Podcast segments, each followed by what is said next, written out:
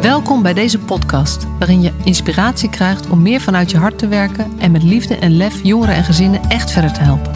Voel je waarde, voel de passie voor je vak, voel je professional vanuit je hart.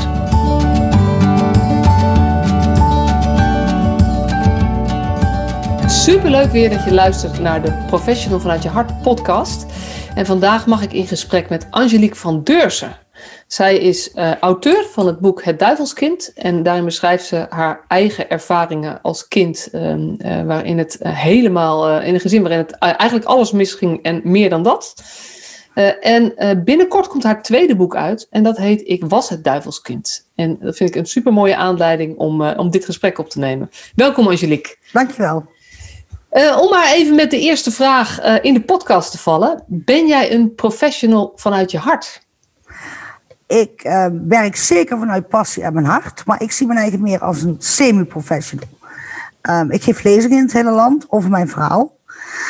Um, dat doe ik op, op voornamelijk vrijwillige basis of een vrijwillige bijdrage, want dat doe ik met behoud van uitkering.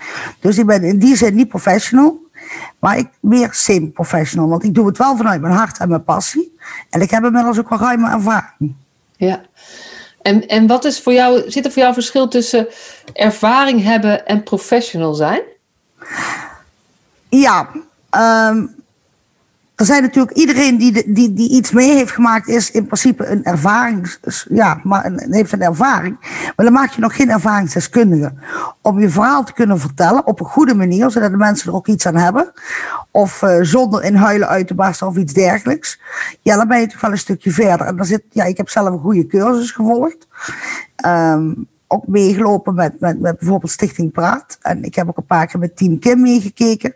Ja, dan moet je toch echt wel. Um, ja, wat verder zijn als, als alleen je verhaal kunnen vertellen. Ja, ja het is ook, dat is ook uh, vaak waar ik het over heb met mensen. Van, weet je, het is ook, ook uh, goed om je eigen ervaringen mee te nemen, maar zorg wel dat je ze goed kunt hanteren voordat je er wat mee gaat doen. Want anders wordt het, ja, dan deel je je verhaal, maar dan, dan levert het vaak nog niet op wat je ermee zou willen of zo, zeg maar. Ja, of zo, als iemand bij een lezing van mij zei: Ik heb pas geleden een lezing gehad waarin de ervaringsdeskundige zo emotioneel werd dat ik daar helemaal in meegezogen werd. En het zelf eigenlijk niet meer aankon. En ja, dat moet natuurlijk niet gebeuren. Nee, nee. Nee, en, uh, nee precies. Hey, en um, we hadden het van tevoren al even over. Hè? Deze podcast gaat niet over wat jouw verhaal is. Nee. Maar het is wel goed om even iets van context te schetsen uh, waar we het over hebben. Zou je, zou je zelf iets kunnen vertellen over uh, wat jouw achtergrond is en waarom je ook dit boek, nou ja, het eerste boek hebt geschreven? En het tweede boek is, daar komen we ook zeker uitgebreid over te spreken.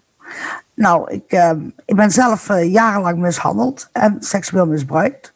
Ik heb herinneringen vanaf mijn derde, vierde, maar uh, uit familieverhalen weet ik dat ik waarschijnlijk nog jonger ben geweest. Um, ik ben voornamelijk misbruikt door mijn vader, uh, die in ieder geval 25 jaar lang. Ook nog op tienerleeftijd door mijn moeder. En tussen mijn achtste en twaalfde door mijn opa, de vader van mijn vader, ben ik seksueel misbruikt. Um, ja, ik, ik had eigenlijk een, een, een, altijd boze vader. Ik deed altijd dingen verkeerd. Er werd altijd gezegd, ik ben dom, ik ben lelijk, ik ben een gedrocht, ik ben een duivelskind. Mijn ouders waren gelovig, maar misbruikten het geloof om mij te kunnen misbruiken. Um, ja, ik had straffen als, als geen eten krijgen en um, in een kast opgesloten worden, geslagen, geschopt, noem het maar op. En dat heeft uiteindelijk tot mijn 25e jaar geduurd. Ja. Ja, ik ben, uh, uh, ik ben je boek aan het lezen en het is echt moeilijk om het te lezen. Maar uh, dank je wel dat je het wel hebt opgeschreven, want dit is wel wat ook gebeurt. En wat wij ook als hulpverleners zo moeilijk vinden om nou ja, ook hardop naar elkaar uit te spreken soms. Ja. En ook echt te zien dat het gebeurt. Ja, want ja, ik, ik zou willen dat ik kon zeggen, ik heb een uniek boek geschreven. Maar uit de duizenden reacties, nee, ik heb geen uniek boek geschreven. Ik heb het verhaal van velen opgeschreven. Um, veel herkennen ze eigen erin, ten dele of, of hè, grotere gedeeltes. Ja, dan denk ik, ja, mijn verhaal is niet uniek. Was het maar een uniek boek. Maar je denkt, je kunt er zo wel duizenden schrijven. Nou, en dat is waar wij als hulpverleners zeggen, weet je, we, we doen van alles en we horen, we hebben het over kindermishandeling. Ja. Maar we hebben het er ook heel vaak niet over. En ook over misbruik, zeker als het over incest gaat dan ehm, heb, ik, heb ik nog steeds wel eens het gevoel dat we, dat we daar een soort van handelingsverlegen mee zijn. En misschien dat er nog wel een soort, een soort taboe op rust om daar echt vrij over te praten. Nou, zelfs het woord incest wordt bijna nooit meer gebruikt. Het wordt seksueel misbruik en er wordt gezegd. Maar er wordt bijna nooit meer het woord incest gebruikt. Ik heb er ook ooit een blog over geschreven. Seksueel misbruik kan ook zijn dat ik uh, iemand in de tram in zijn kruis grijp. Terwijl incest is, is echt heel anders. Dat is toch iemand in jouw eigen kring uh, die jouw vertrouwen misbruikt. En dat is echt wel heel anders als een vreemde. Ja, en vind je het ook belangrijk dat we dat woord wel weer gaan gebruiken? Dat het er, eigenlijk gewoon genoemd wordt wat het is? Ja, precies. Incest dekt de lading. Uh, door iemand in jouw eigen basiskringetje wordt je misbruikt. Iemand die, die jou moet verzorgen of... Hè, dat vind ik echt anders. En, en ik vind seksueel misbruik vind ik een, een te, ja, te algemeen woord. We zeggen ook inderdaad bijna niet meer iemand is verkracht. Dan is het uh, seksueel misbruikt. En dat kan zoveel behelzen. Seksueel misbruik is van, van een keer uh, iemand aan de borst te pakken tot aan verkrachting, tot aan incest. Maar noem het gewoon met een naam. Ja. Dan dekt het ook de lading. Ja. Nou, en, en mijn gevoel zegt, weet je, ik, ik las jou, uh, uh, je geeft hier over post, post over of zo op LinkedIn. En toen zag ik dat, dacht ik, ja, ik herken dat wel. Want ik, ik spreek heel veel professionals. Ik draai al jaren mee in het werkveld. Uh, en uh, als ik kijk naar ook de trainingen die ik geef en de voorbeelden die daar aan, de, aan uh, naar voren komen, is nog nooit um, incest als voorbeeld naar voren gekomen. Ja, precies. En toen dacht ik, ja, dit is het taboe wat jij volgens mij bedoelt. Ja, ik heb ook heel doelbewust op mijn LinkedIn-profiel ervaringsdeskundige incest kindermishandeling. Ja. Dat is een doelbewuste keuze. Ja. Je ziet het ook bijna niemand zeggen, maar voor mij is het een doelbewuste keuze. Ja. Het is wat het is. Ja ja. En ja, ik kan daar van allerlei dingen voor invullen. Maar kan je uitleggen wat voor een kind het grote verschil is? Uh, of het nou ja, je vader, je moeder, je opa uh, is, zeg maar, uh, of een vreemde? Je hebt geen enkele ontsnappingsmogelijkheid. thuis is dan niet veilig. En, en ja, je bent afhankelijk van je ouders of je verzorgers um, of familieleden, daar word je dan geacht goed mee om te gaan. Um, ja, je kunt nergens heen. Alleen school is een ontsnappingsmogelijkheid, maar thuis is altijd onveilig. En, en, het is, ik zeg ook altijd, de incest en de mishandelingen waren niet eens het ergste. Het was die 24 uur spanning.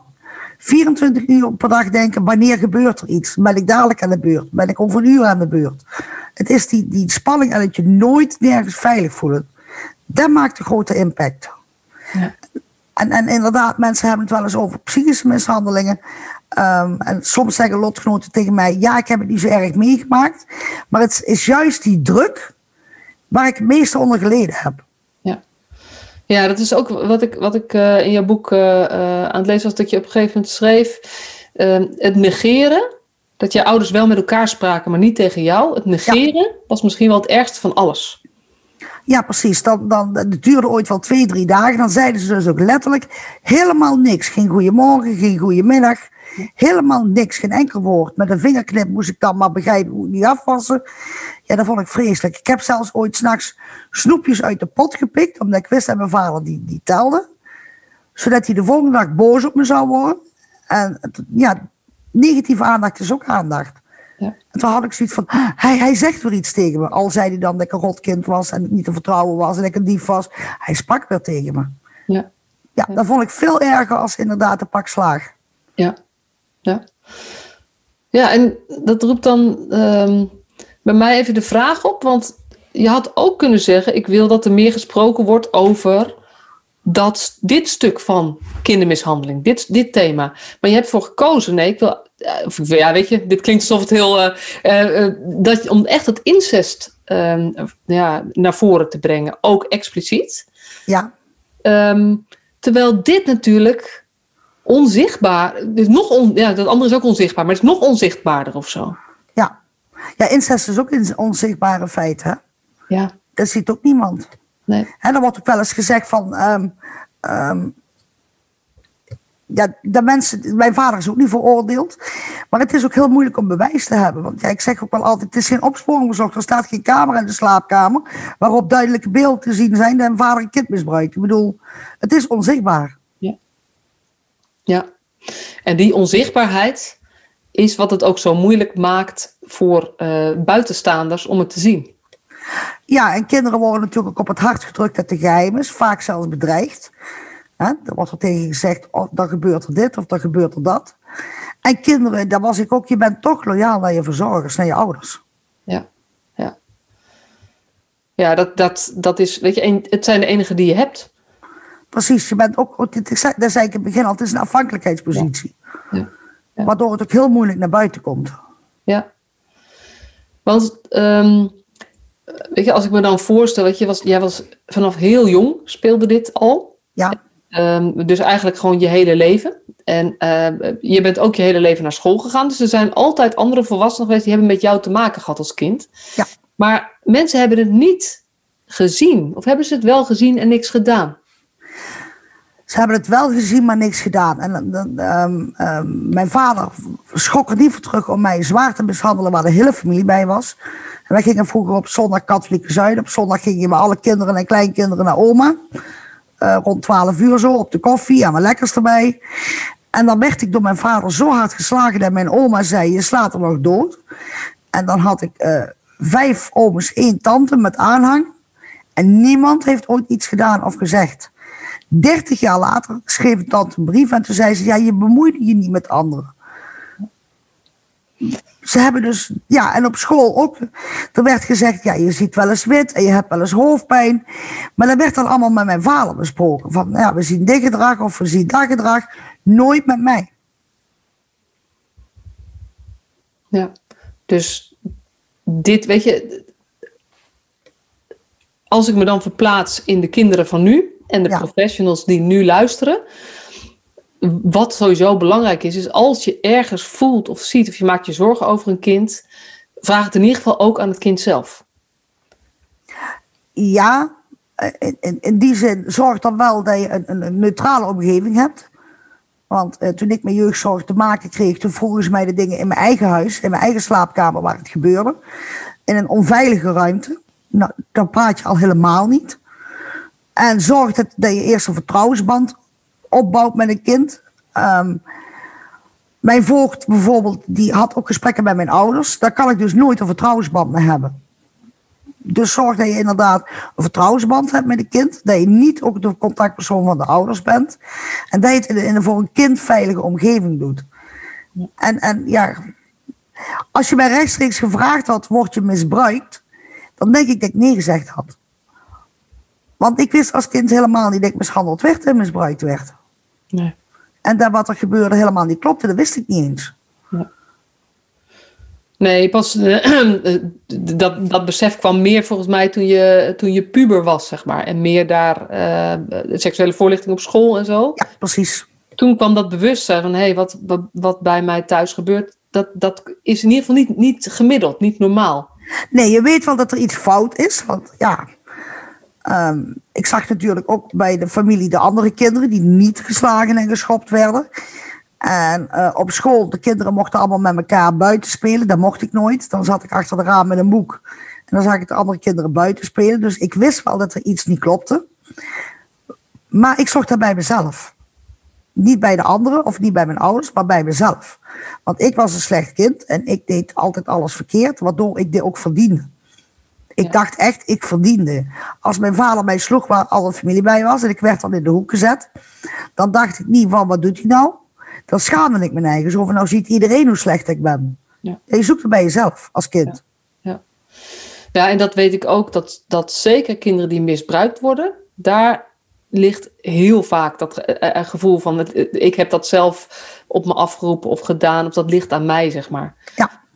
Uh, daar is dat sowieso. En, en bij mishandeling kan dat ook zo zijn. En uh, het is wel heel goed om je te realiseren dat dus zo'n directe vraag ook niet werkt. Om gewoon te vragen van, joh, gebeurt er dit of dat bij jou thuis? Nee, want dat, dat, omdat je jezelf schaamt, je gaat natuurlijk iets waar je over schaamt, dat ga je niet aan een ander vertellen. En wat is, want um, uh, nou ja, je, pra je, praat er inmiddels wel vrij over. Ja. Voel je nog schaamte? Nee, nu niet meer. Het heeft wel heel lang geduurd, maar uh, nu niet meer. Nee. En hoe komt het dat, hoe heb je dat kunnen ja, zal ik het overwinnen noemen? Of, of ehm, anders kunnen gaan zien? Of hoe heb, je, hoe heb je jezelf meer die waarde kunnen geven?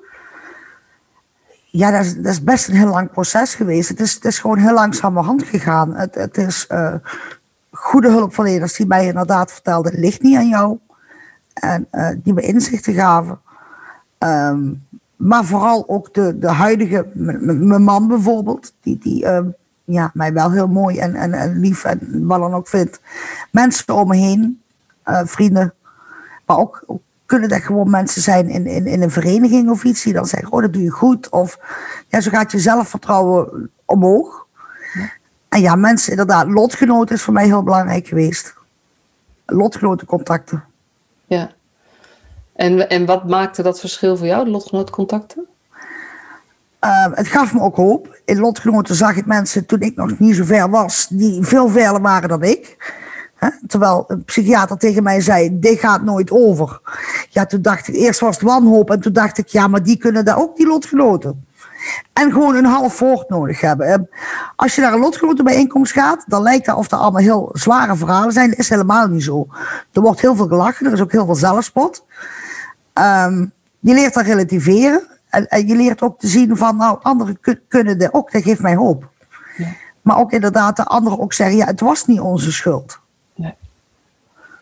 Nee, nee precies. Dus, dus die dan is er niet iemand die van buitenaf zegt van joh, jij hoeft je niet te schamen, maar gewoon dat je samen eigenlijk met elkaar erover hebt om, om vanuit binnenuit bijna te zeggen van joh, dit, maar dit was niet onze schuld. Dit, dit, wij zijn niet degene. Ja, en het klinkt ook gek. Je hebt, je hebt geen. Uh, bij jou moet ik nou bijvoorbeeld tien woorden gebruiken om iets uit te leggen. Bij lotgenoten heb ik twee woorden nodig. En die zegt, oh ja. Ja. Die verbondenheid en, en oh, zij voelt wat ik voel. Of hij, want dat kan natuurlijk ook zijn niet alleen maar uh, vrouwen, het zijn ook mannen. Ja. ja, die verbondenheid die je hebt. Ja, ja. En uh, je, je zei, um, uh, op een gegeven moment is jeugdzorg betrokken geraakt bij jullie gezin.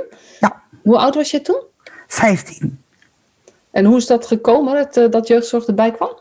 Nou, op een gegeven moment, ik zat op de MAVO. En ik haalde altijd tegen centine, want ik had eigenlijk VWO-advies, maar ik mocht van mijn vader uh, niet verder dan de kerk. En ja, helaas was er dan alleen de MAVO. Want de haven was een straat verder. Daar mocht je niet naartoe. En dus was voor mij eigenlijk veel te makkelijk. En dan haalde ik altijd 9 en 10. Maar het, het, ja, het misbruikt worden. Naar school moeten. En ook nog het heel huishouden in je eentje moeten doen. Dat kun je als kind niet volhouden. Dus ja, mijn punten gingen achteruit.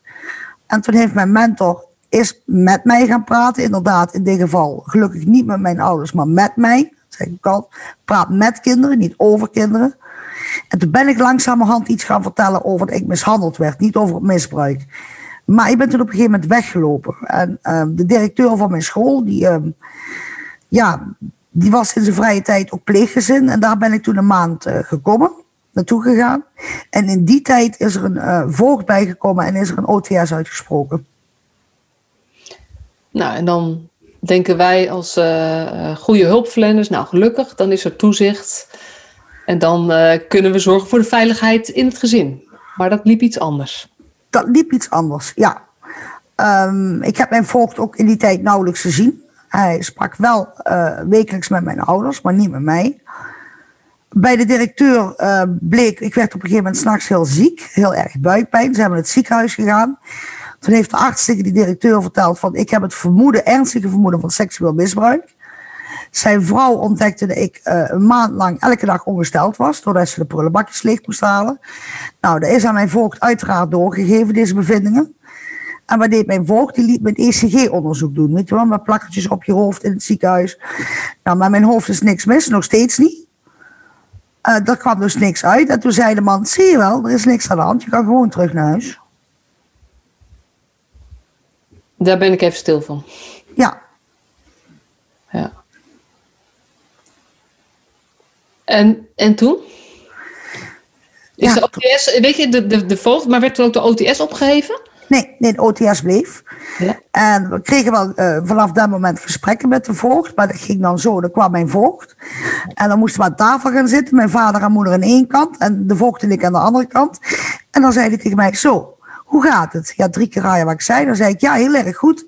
Ja. Ik zat ooit bij de blauwe plekken nog onder mijn trui. En dan zei ik, nee, heel erg goed, ja, geweldig. We kunnen ook met elkaar praten en het gaat allemaal heel fijn. Ja. Dat moet je allemaal zeggen als kind. Ja. En die, diegene bij wie je toen tijdelijk in huis was, hè, die, die directeur van de school, heeft, wat, heeft die toen nog geprobeerd om nou ja, wel, jou wel vragen te stellen? Ehm, weet ik niet precies meer of hij dat nog. Ik, ik ben niet zo lang daarna nog een keer weggelopen. En uh, toen heeft hij me op de trein gezet. En toen ben ik in een, een opvanghuis voor tieners in Nijmegen terechtgekomen. Ja. Uh, drie maanden lang. Met een, uh, in mijn bezit een boekentas met boeken. En toen kreeg ik van het opvanghuis geld om mijn tandenborstelen en, en onderbroeken te kopen. En kleren kreeg ik uit de kast van kleren die achtergelaten worden. In die drie maanden tijd is mijn voogd nul keer naar Nijmegen gekomen om met mij te praten. Hij is wekelijk naar mijn ouders gegaan. En wederom zei hij, je krijgt ook geen spullen van thuis uit, je moet maar naar huis komen. En ondanks dat ook het opvanghuis zei, we hebben een vermoeden van. Ik had nachtmerries, ik dissocieerde. Ja, ben ik na drie maanden tijd, had ik eigenlijk geen keus, weer terug naar huis. En toen ben ik naar een andere MAVO gemoeten van de voogd en mijn vader. Ja, en ik heb die man eigenlijk nooit meer gesproken, de directeur. En die begeleiders in het opvanghuis, die, um, nou ja, er gebeurde wat jouw voogd um, eigenlijk uh, besloot. Ja. ja, die kunnen ook. Ik was minderjarig en, en je voogd is verantwoordelijk. En ja, ja ondanks herhaaldelijk bellen, je mocht maximaal drie maanden in zo'n opvang. Er waren vroeger opvanghuizen voor tieners, mocht je maximaal drie maanden inblijven. Ja, maar moet je op je vijftien als je voogd zegt: Ik eis dat je terug naar huis komt? Ja. En dan kun je niks. Nee. En wat had je even los van, ja, dat klinkt een beetje heel koud, maar even los van de voogd die dit helemaal verkeerd. Wat had je van de andere volwassenen om je heen nodig gehad in die periode? Nou, kijk, op, op de MAVO werd me echt gevraagd: hoe gaat het met jou? Op de lagere school miste ik dat ook heel erg. Ik, ik, um, je hoeft niet meteen een heel, heel interview, een kruisverhoor af, af te nemen, maar. Um, Neem een leerling eens een keer apart. Geef hem voor mij apart een beter beker warme chocomel. Doet wonderen. Werkt beter als een pilletje. En vraag eens gewoon een keer: hoe gaat het met jou? Het feit dat uh, ik het gevoel had dat niemand mij zag, niemand mij hoorde, dat ik vrijwel onzichtbaar was, ja, dat maakte me heel eenzaam. Ja. En dat maakte ook inderdaad dat dat voor mij bevestigend was: van het is mijn schuld. Ja. Want iedereen vindt het goed. Maar als mensen dat gevraagd zouden hebben met die beker chocomel dan nog zou je die loyaliteit gevoeld hebben. En zou het heel moeilijk zijn geweest, denk ik, om iets te zeggen over wat er echt gebeurde. Ja, dat zou heel moeilijk zijn geweest. Maar dan had ik het gevoel gehad van um, iemand ziet mij. Ja. En dat... noem, het, noem het voorbeeld. Ik, ik, mocht een keer bij mijn opa en oma logeren. En mijn goede opa en oma, die had ik gelukkig ook. En voordat we s'avonds naar bed gingen, toen vroeg mijn opa... hoe wil jij morgen je eitje, hard of zacht gekookt? Nou, dat was, dat, daar, daar heb ik echt een uur over na moeten denken. Had nog nooit iemand aan mij gevraagd, hoe wil jij iets? Dat maakte zo'n verschil voor mij. Van. En toen zei ik zacht gekookt. En toen kwam ik s'morgens vroeg op. En toen stond er voor mij een zacht gekookt eitje. Nou, openbaring voor mij als kind. Ja. Het zit niet alleen in de grote dingen. Het zit vaak in die hele kleine dingen om even aandacht te krijgen. Even, oh, iemand heeft mij gehoord en gezien. Ja. En dan is eigenlijk hetzelfde als wat je net zei. Het, het ergste was dat jij er niet toe deed, zeg maar. En, en genegeerd werd. Ja. Uh, dus het belangrijkste wat je als andere volwassenen, om welk kind dan heen, zeg maar ook. Het belangrijkste is, zie het kind. Uh, en heb aandacht voor, voor, voor het kind. Even los van wat er gebeurt en of je gaat ingrijpen. Weet je, uiteindelijk is dat niet ook wat jij nu zegt. Ik had gewild dat er iemand naar ons toe was gekomen en mijn vader een knal voor zijn kop had gegeven en mij had meegenomen. Nee, ik denk dat dat ook een proces is. Maar, maar zeker ook op een school. Geef een kind gewoon eens een compliment. Zelfs al is het misschien niet de beste leerling, maar heb je een vermoeden van. Hè? Ja. Zeg eens gewoon van, goh, dat heb je goed gedaan. Want thuis hoor je altijd maar dat je alles verkeerd doet. Ja, precies. Dus het zou is... prettig zijn als een volwassen gewoon zei van, oh, mooie tekening. Of, oh, die som heb je goed gedaan. Ja, ja. Nou ja, nou is dat volgens mij wel in de... Ja, ik weet niet hoe oud... Voor mij ben je een beetje net zo oud als ik. Uh, ik weet niet hoe oud je bent inmiddels. 50. Ja, precies. Ik ben 46. Dus weet je, er is wel een, er is, er is nu meer aandacht voor die positieve uh, uh, aandacht voor tekeningen en zo dan uh, in mijn tijd, wat ik me ook herinner. Ja. Dus dat denk, gebeurt denk ik wel wat meer. Hey, en um, gelukkig maar. Maar dan nog blijft het. Het is niet alleen wat heb je mooie tekening gemaakt, maar ook hey joh, zie het kind en als je het gevoel hebt dat het niet zo goed gaat op de een of andere reden, ook al kan je het niet plaatsen, geef gewoon extra aandacht. Precies.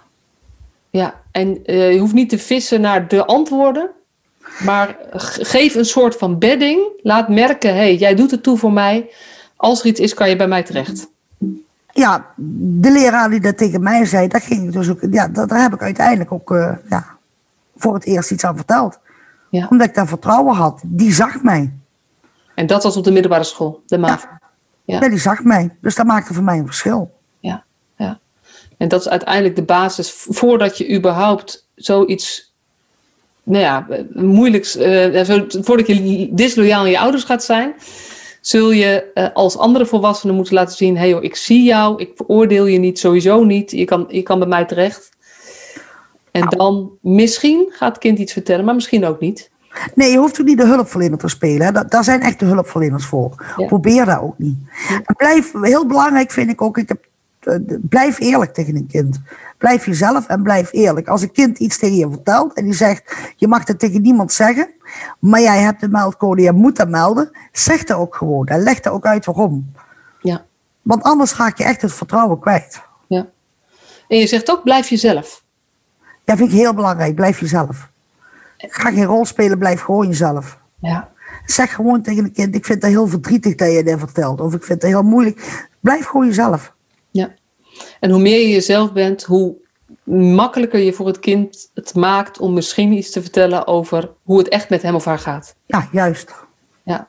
Ja. ja, dat is ook. Uh, ik weet niet of je mijn boek had gekeken, maar er staat, staat één zo'n plaatje in met twee poppetjes die dan communiceren. En dan uh, zeg ik, ja, je kan hoofd tot hoofd communiceren. Nou, dat is gewoon een beetje in de, in de hoogte. En hart tot hart, daar staan twee muurtjes tussen. En um, het muurtje van die ander, weet je, als je in een situatie zit van misbruik of, of uh, incest of mishandeling, heb je gewoon een mega grote humeur. Je gaat echt niet mensen laten zien hoe het echt met je gaat of wat er echt gebeurt.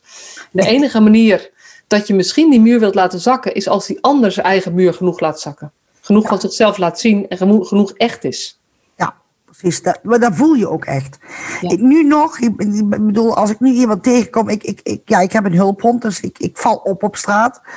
En als iemand in de winkel mij vraagt van, goh, waarom heb jij die hond? Dan voel ik, die is nieuwsgierig en die heeft oprechte belangstelling. Ja. Maar dan voel je als kind ook, die ziet mij echt of die is gewoon, ja, ja doet het plichtsmatig of, of je, je voelt als iemand echt ja. naar je kijkt.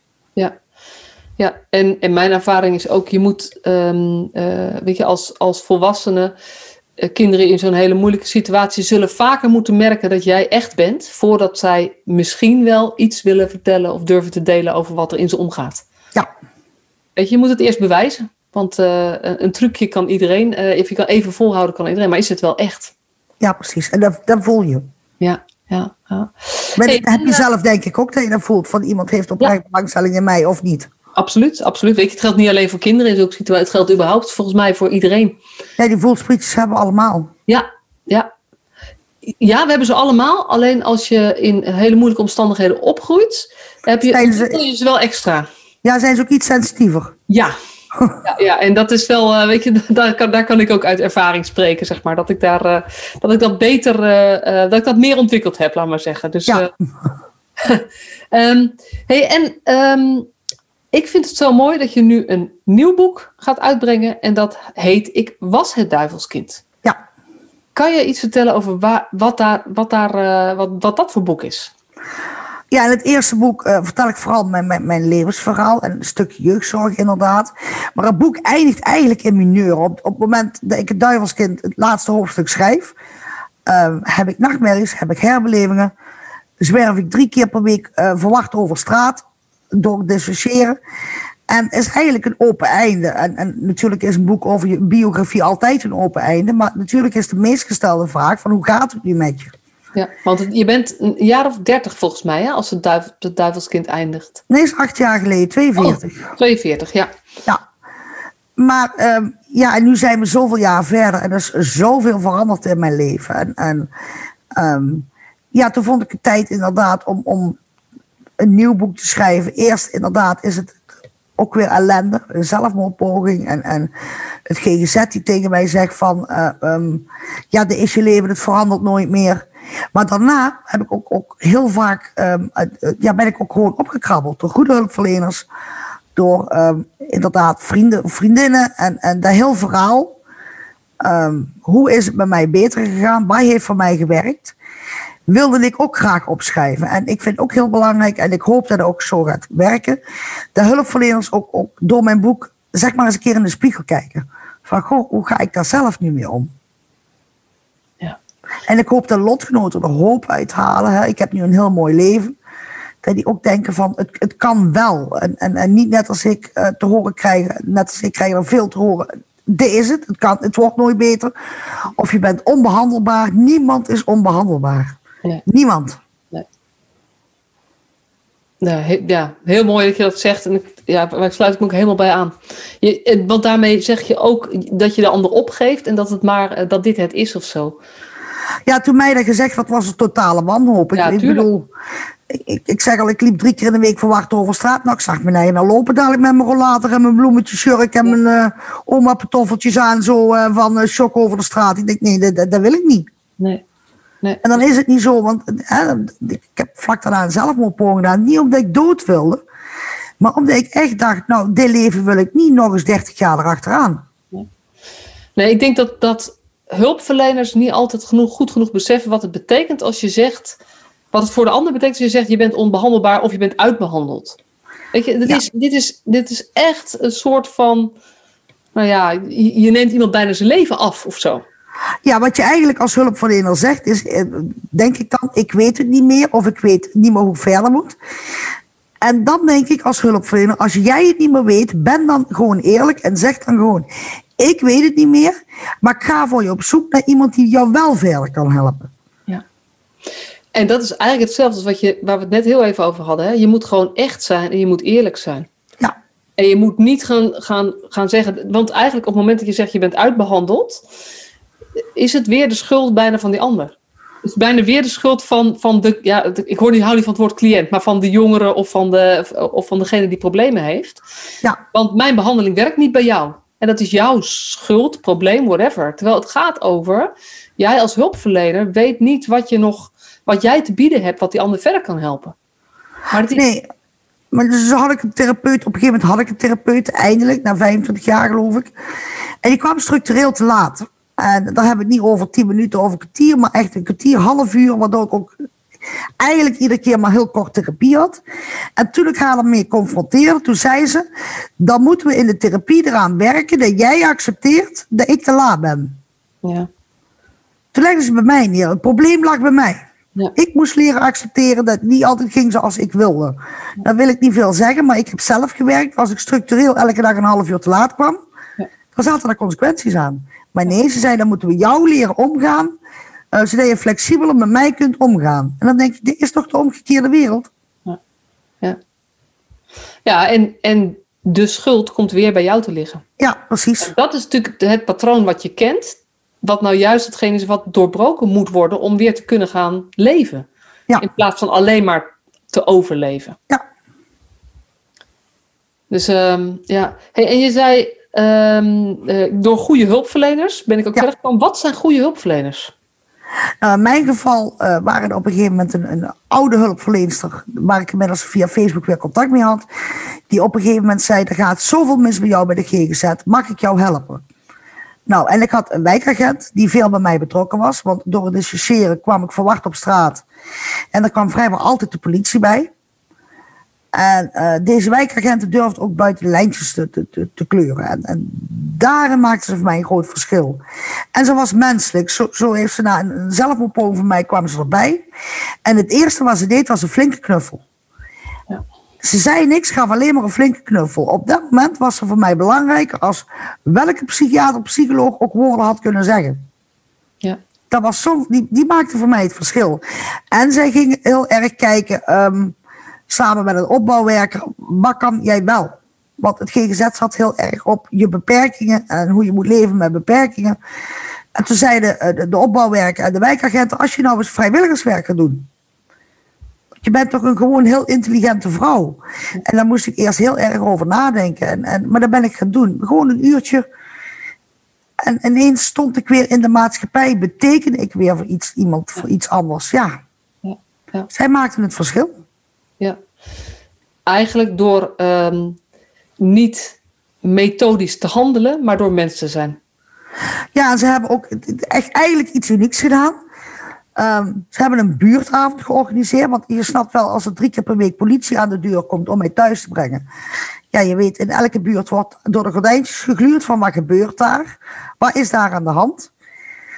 Toen hebben wij uh, een brief opgesteld voor de buurtgenoten en die in de brievenbus gedaan. Uh, toen hebben ze uitgenodigd voor een buurtavond georganiseerd in, in, uh, een tienerhuis hier in de buurt. Daar zijn zo'n 35 buurtgenoten op afgekomen. Daar heb ik verteld, uh, kort mijn levensverhaal, maar heel kort, niet uitgebreid. En ik heb ook kort uitgelegd wat dissociëren inhoudt, waarom ik drie keer in de week uh, daar door de politie thuiswacht werd. Maar ik heb ook verteld, ik hou van computeren, ik hou van tuinieren, Ehm, als je mij op de straat goeiedag zegt, ben niet bang dat ik mijn hele levensverhaal over je uitspuug. Ik kan ook over de bloemetjes, de bijtjes en het slechte weer en het goede weer praten. Er is toen zoveel veranderd in mijn buurt. Terwijl ik met mijn hoofd naar beneden en, en angstig rondliep. Nu, ja, vlak na die buurtavond spraken mensen mij aan. Er werd bij mij aangebeld, goh, ik moet de tuin doen, kun je me helpen? Ik heb een probleem met de computer, kun jij helpen? En nu zegt iedereen hallo. En loop ik me opgegeven over de straat. Dat heeft zo'n verschil gemaakt. Ja, en nu zit ik naar je te luisteren en dan denk ik, dit is gewoon weer het, hetzelfde thema, gezien worden. Gezien worden voor wie je bent en niet je probleem of whatever, maar gezien worden. Ja, een hulpverlenersland stond op zijn kop, want GGZ was direct tegen. En, en, en, want dit was initiatief van de wijkagent en een, en een eh, opbouwwerker. Ja, opbouwwerker uit mijn wijk, waar ik inmiddels een goed contact mee had. Ja, ja. En ook die opbouwwerker, die moest ook op de werk wel even, even lobbyen, want die had ook zoiets van, ga je nu doen? Ja, ja. Maar dat heeft zo gewerkt. Dat heeft zo'n verschil voor mij gemaakt. Ja. ja, en dat is uiteindelijk vaak waar het ook in zit. Hè? Dat je dingen, dat je niet kijkt van hé, hey, wat is het protocol hierbij, maar gewoon wat, is, wat, wat heeft deze persoon in deze situatie nou het meest nodig? Ja, en, en er werden inderdaad ook op die avond vragen gesteld als wat moet ik dan doen als ik jou zo zie. Dan kon ik dat uitleggen. En, en, eh, de politie... en, wat, moest, en wat moeten mensen dan doen? Nou, voor de meeste mensen is het te moeilijk. Uh, maar de politie zei ook, de wijkagent was bij, die zei ook bel gewoon 112. Bij ons staat ze bekend in de computer. Wij weten als professional wat we moeten doen. Ja. En dan komt het wel goed. Ja. Ja. ja, en ik vind, ik heb je boek, uh, uh, ik heb het tweede boek helemaal gelezen. Het eerste boek heb ik nog niet uit. Maar omdat jij daar ook zo, uh, zo trots op bent, ook hoe het nu gaat. En, en terecht ook. Ik vind het echt heel mooi ja. om te zien. Er zijn echt een, een, aantal dingen gebeurd die dat versneld hebben. Want je hebt bijvoorbeeld een hulphond, hè? Ja, klopt. En, PTSS-hulphond. PTSS-hulphond. En dat vond ik wel heel, um, uh, heel mooi om ook te lezen. Kan je er iets over vertellen? Wat, waarom, is, waarom heb je hem nodig en wat doet hij en hoe helpt hij jou? Ja, in principe uh, heb ik geen recht op een PTSS-hond, want dan wordt door de overheid voor burgers niet vergoed, alleen door uh, beroepsgerelateerde PTSS.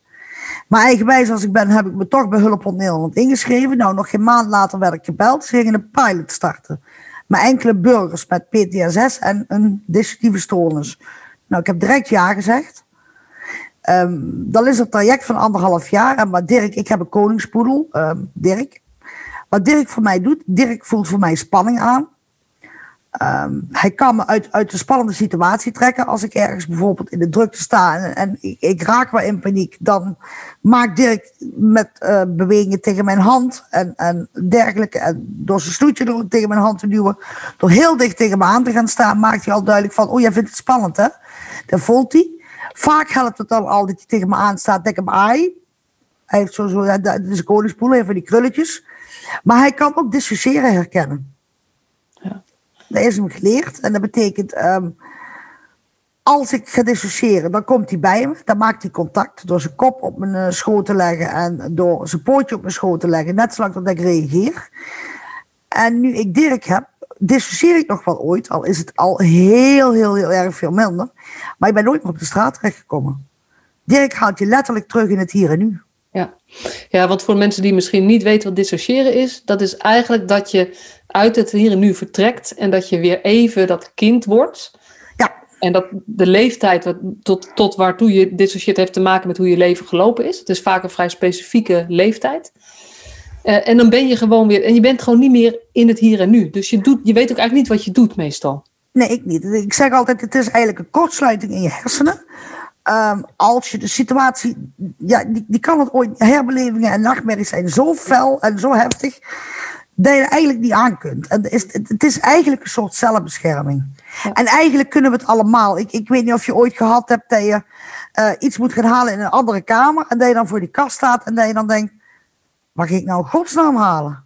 Hebben allemaal eens ooit gehad. Dat is een vorm van dissociëren. Ja, ja. En um,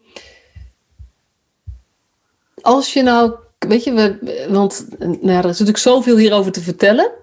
Uh, en we hebben volgens mij heel veel thema's al wel aan de orde gehad. Maar ik wil toch nog eens even, even vragen van die goede hulpverleners. Hè? Je zei van ze moeten eigenlijk buiten de lijntjes kleuren. Ze moeten eigenlijk, um, of ze moeten. Het helpt als ze gewoon mens zijn. Weet je, niemand moet iets. Want als je iets moet, is het dan niet meer omdat je het vanuit jezelf doet. Maar hoe meer het gewoon echt vanuit jouw mens zijn is, je daarmee uh, de ander ziet, dan help je bijna het beste. Ja, ik, ik, uh, mij wordt wel eens ooit gevraagd: heb je nog vertrouwen in de hulpverlening? Of wat vind je van de hulpverlening? Ik heb natuurlijk slechte ervaringen, maar ik denk niet dat er slechte hulpverleners zijn. Ik, ik denk wel dat ze vaak vastzitten in stramien, in protocollen. Je hebt ook echt met GGZ uh, hokje autisme, hokje trauma, hokje, hokjes allemaal voor verschillende. In twee hokjes tegelijk kan niet. Ik denk dat er veel meer gekeken moet naar een individueel plan. Ik vind autonomie van de cliënt heel belangrijk. Um, als ik weer eens ergens niet meer meewerkte, zo werd ik op een gegeven moment uh, naar een groep gestuurd met alleen maar mannen. Groepstherapie, dus alleen maar mannen van middelbare leeftijd. Nou, recept voor, recept voor je niet veilig voelen, om het maar even heel algemeen ja. te schrijven. Ja. En toen zei de eerste man bij het gesprek maandagmorgen ook nog: Ja, ik heb de weekend uh, op zolder gezeten omdat ik bang was dat ik mevrouw en mijn kind in elkaar zou slaan. Nou, daar zet je mij tussen. Ja. Nou, toen heb ik gezegd van, uh, dit doe ik niet. En toen zei de psychiater, heb ik ook gevraagd, waarom heb je me daar naartoe gestuurd? Toen zei hij, ja, niet geschoten is altijd mis. Ja. Dus ik vind autonomie belangrijk. Ja. Vraag ook echt aan de cliënt, bedenk niet alleen wat dit en dat is goed voor je, maar waar zou jij je prettig bij voelen? Ja. Je autonomie. En, en ja, de protocollen, maar daar kunnen ze ook niet altijd iets doen. Dan zit gewoon, ja, je moet volgens een stramien werken. Ja, en tegelijkertijd, weet je, de ondertitel van mijn boek is Maak met liefde en lef het verschil in de jeugdhulp, maar net zo goed in de GGZ. En dat gaat wel hierover. Dat je, weet je, protocollen zijn, als het goed is, hulpmiddelen voor hoe jij je werk kan doen. Maar. Het belang van de individuele cliënt gaat altijd boven protocol. Uh, en het is, ik, ik, herken wel wat je, wat je beschrijft. Ik vind het ook heel mooi wat je zegt. Er zijn uh, geen verkeerde hulpverleners of zo. Maar op een bepaalde manier raken mensen zichzelf. Hulpverleners raken wel het contact met zichzelf kwijt soms. In ja, dit precies gekke uh, fenomeen met alle protocollen en werkdruk en angst en weet ik wat allemaal. Ja, en de oneindige rapportages die je moet Dat- schrijven voor de ziekenkostenverzekeringen, waardoor je onderhand meer administratief werk bent eh, aan doen dan. eh, hè? Ja, nee, precies. Maar dus het is onwijs belangrijk volgens mij dat, eh, dat, dat eh, hulpverleners zich realiseren: ik moet in contact blijven met mezelf. Eh, Ja. En me niet laten leiden door alles wat er om me heen gebeurt. En, ja, en dan heb je meer kans dat je iemand echt ziet. Nou ja, en dat is natuurlijk dat is een voorwaarde om überhaupt iemand verder te kunnen helpen. Ja, en het, woord waar ik het allermeeste moeite mee heb is stabiel. Ik, ik bedoel, toen ik in de hulpverlening terecht kwam, toen was het, je mag niet praten, want je moet stabiel worden. Toen ik dan een soort van stabiel was, toen dacht ik, oh, nou mag ik praten. En toen mocht ik niet praten, want als ik dat ging doen, dan zou ik niet meer stabiel zijn. Ja. En dat heb ik twintig jaar lang gehoord. En ik, mocht, ik heb twintig jaar lang mijn verhaal niet kunnen vertellen. Nee, en dat is, dat is echt, dit ken ik ook eh, van, van andere eh, mensen eh, die, die met name die ook gewoon zoveel traumatische ervaring hebben dat met PTSS in combinatie met andere eh, diagnoses, wat je, precies wat jij zegt, Ja, ehm, dat het gewoon ervoor zorgt dat er geen hulpverlening op gang komt. Want voor het ene mag je dat niet hebben, voor het andere hulp mag je dat niet hebben. En zo val je tussen wal en schip en kom je geen steek verder en, word je, en loopt het leven maar door. Maar jij blijft alleen maar in een soort overleefmodus Ja. staan. Ja. Terwijl je zo graag verder wil. Want dat, dat is wel, jij, jij hebt wel levenskracht getoond. Ja, je gaat eigenlijk van crisis naar crisis. Want ik zeg dan altijd, nou, waarom ik stabiel was, omdat ik natuurlijk mijn hele jeugd al heb geleerd om mijn ellende in een soort laadjes te stoppen en die dicht te doen. Maar ja, op een gegeven moment puilen die laadjes uit en dan komt het weer naar boven. En dan zit je weer, wat het GGZ dan noemt een crisis. Ja. Ja, en dan bedingen ze die crisis weer een beetje. Ja. Ja. En ja, Ja, en het is. eh, ik heb daar eigenlijk nog nooit zo over nagedacht hoe dat in de volwassen GGZ is. Maar ik zie bij, bij kinderen, bij jeugd, heel veel dat er heel korte termijn gekeken wordt. Ja. Nu is er dit aan de hand, lossen we dit op. Nou, dan is dat weer een beetje stabieler. Dat woord wat je Dan is Ja. dat een beetje onder controle. Oké, nou, dan gaan we weer over tot de orde van de dag. Terwijl eigenlijk zou je veel verder weg moeten kijken, veel verder vooruit moeten kijken. Joh, maar hoe zorgen we nou dat dit kind of deze volwassene uiteindelijk meer weer de regie over zijn leven terug kan nemen? Ja, zelfs een kind kan een stuk autonomie hebben. Ja, juist. Ja.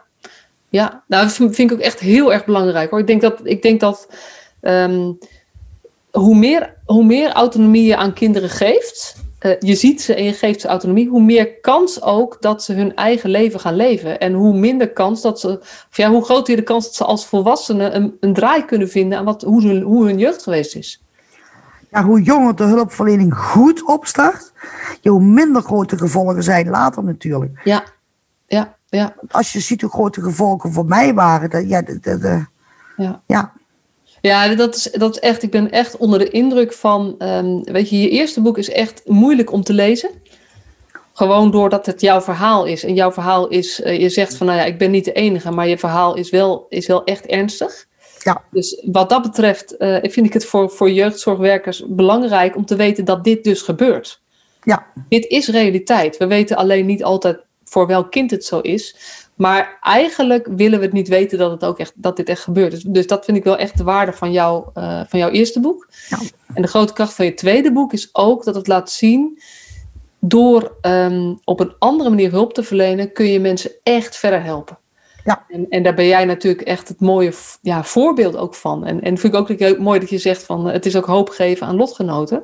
Ja. Dat is zo belangrijk, want als je er middenin zit, dan denk je dat het nooit meer, dan, dan ben je bang dat het nooit meer goed komt. ja, en ik, ik wil ook meegeven, dat, dat geef ik ook het boek mee, zoek een hulpverlener die bij je past. Ik dacht twintig jaar lang, had ik ook een huisarts die zei, je kunt alleen maar bij de GGZ terecht. Het is niet waar. We hebben vrije zorgkeuze. We kunnen gewoon bij de zorgverzekering zoeken op, op psycholoog, op psychotherapeut. En dan krijg je een hele lijst die gewoon vergoed wordt. En dan kun je daar bij wijze van spreken een intakegesprek of vragen of bellen van bent u eh, gespecialiseerd in. Zoek gewoon naar een hulpverlener. Blijf niet in die hulpverlener hangen. Ja, en dat vind ik, het is mooi dat je dat aanvult. En tegelijkertijd heb je dan al een, eh, iemand nodig die genoeg zijn autonomie heeft teruggevonden Ja. om dit te kunnen doen. En dat vind ik wel echt door jouw hele verhaal, ehm, eh, vanaf, nou ja, vanaf je ervaringen met jeugdzorg, zeg maar, dat je steeds, die autonomie is gewoon gegroeid. En op een gegeven moment ben je zo sterk geworden dat jij zelf keuzes ging maken voor, hé, hey, maar die kan mij wel helpen en die kan mij niet helpen. Ja, ik, ik zeg al toen, toen de psychiater zei, de eerste het wordt niet beter, toen was er eerst wanhoop. Ja, En in de tweede instantie had ik zoiets, ja, om het maar niet netjes te zeggen, ja, potverdorie, ik heb ook recht op een normaal leven. Of in ieder geval op een iets kwaliteit, Ja. kwalitatief beter leven. Ja. Ik zeg niet dat ik nergens last meer van heb. Nee. Maar ja, ik zie dat nou, ik, ik, ik heb PTSS en dat zal ik ook wel blijven hebben. En, en, en dysfysiestoornis ook. Maar ehm, ehm, ik kan ermee omgaan. Ik, ik zie dat als een lichamelijke ziekte. Ik, ik heb ook een, een ernstige huidziekte. Die heb ik al sinds mijn negende. Daar heb ik last van, maar daar leer ik mee omgaan. Ja. Zodat niet mijn leven in de weg zit. En zo zie ik dat ook met PTSS. Ik heb ermee leren omgaan. Ik ken mijn beperkingen, maar het zit niet meer dagelijks in de weg. En als ik nu een slechte nacht heb, dan denk ik s'morgens, ja, zo be it. Morgen weer een nieuwe dag. Ja. Geen paniek meer over. Nee. nee, het is echt heel mooi. En dit is het verschil natuurlijk. Ben je je PTSS of heb je het? Ja. En, en eh, dat is in jouw hele verhaal zo te horen dat jij eh, nou ja, daar met ontzettend veel levenskracht eh, een draai aan hebt gegeven. Ja. En nu je verhaal ook wil delen om te zorgen dat, dat anderen dat ook kunnen. Ja. Hey, we zijn eh, door de tijd heen. Dus is er nog iets eh, wat ik vergeten ben te vragen of wat je graag zou willen toevoegen? Of een soort laatste boodschap aan de professionals die hier naar luisteren? Nee, ik denk dat ik het belangrijkste heb gezegd bij jezelf. En ehm, blijf eerlijk. Ja, nou, dankjewel. Ja. Dankjewel. En ehm, eh, nou, ik hoop dat, dat met jouw nieuwe boek uh, je nog veel meer mensen uh, kunt helpen. Ja, dankjewel. Superleuk dat je weer luisterde naar deze podcast. Dankjewel. Nog even kort een paar belangrijke dingen. Ten eerste, het is mijn missie dat de jeugdhulp weer een sector wordt waarin bevlogen, liefdevolle professionals jongeren en gezinnen echt verder helpen. Daarom maak ik deze podcast voor jou. Wil jij deel uitmaken van deze beweging van Professional vanuit je hart, waarin professionals elkaar steeds opnieuw inspireren? Begin dan met het lezen van mijn boek. Je kunt de eerste hoofdstukken helemaal gratis lezen. Ga naar professionalvanuitjehart.nl/slash boek. Ten tweede, wil je alle podcastafleveringen overzichtelijk onder elkaar? Abonneer je dan op deze podcast. Klik in je podcast-app op de button subscribe of abonneren. En elke keer als er een nieuwe podcastaflevering gepubliceerd wordt, ontvang je automatisch een berichtje. Ten derde, ondersteun je mijn missie? Geef me dan een review via je podcast-app, bijvoorbeeld iTunes of Spotify. Op die manier kan ik nog meer professionals bereiken. En ken je een collega voor wie deze podcast ook interessant is? Dan zou het super zijn als je hem of haar de podcastaflevering doorstuurt. Bijvoorbeeld door de link te kopiëren via Spotify. Ik vind het altijd heel leuk om berichtjes te ontvangen van luisteraars om te horen wat je van een podcast vindt, of als je misschien vragen of suggesties hebt. Of als een aflevering je een bepaald inzicht heeft gegeven of er iets in beweging is gekomen. Stuur me dan even een berichtje op masha.professionalvanuitjehart.nl via de website of stuur me een connectieverzoek op LinkedIn.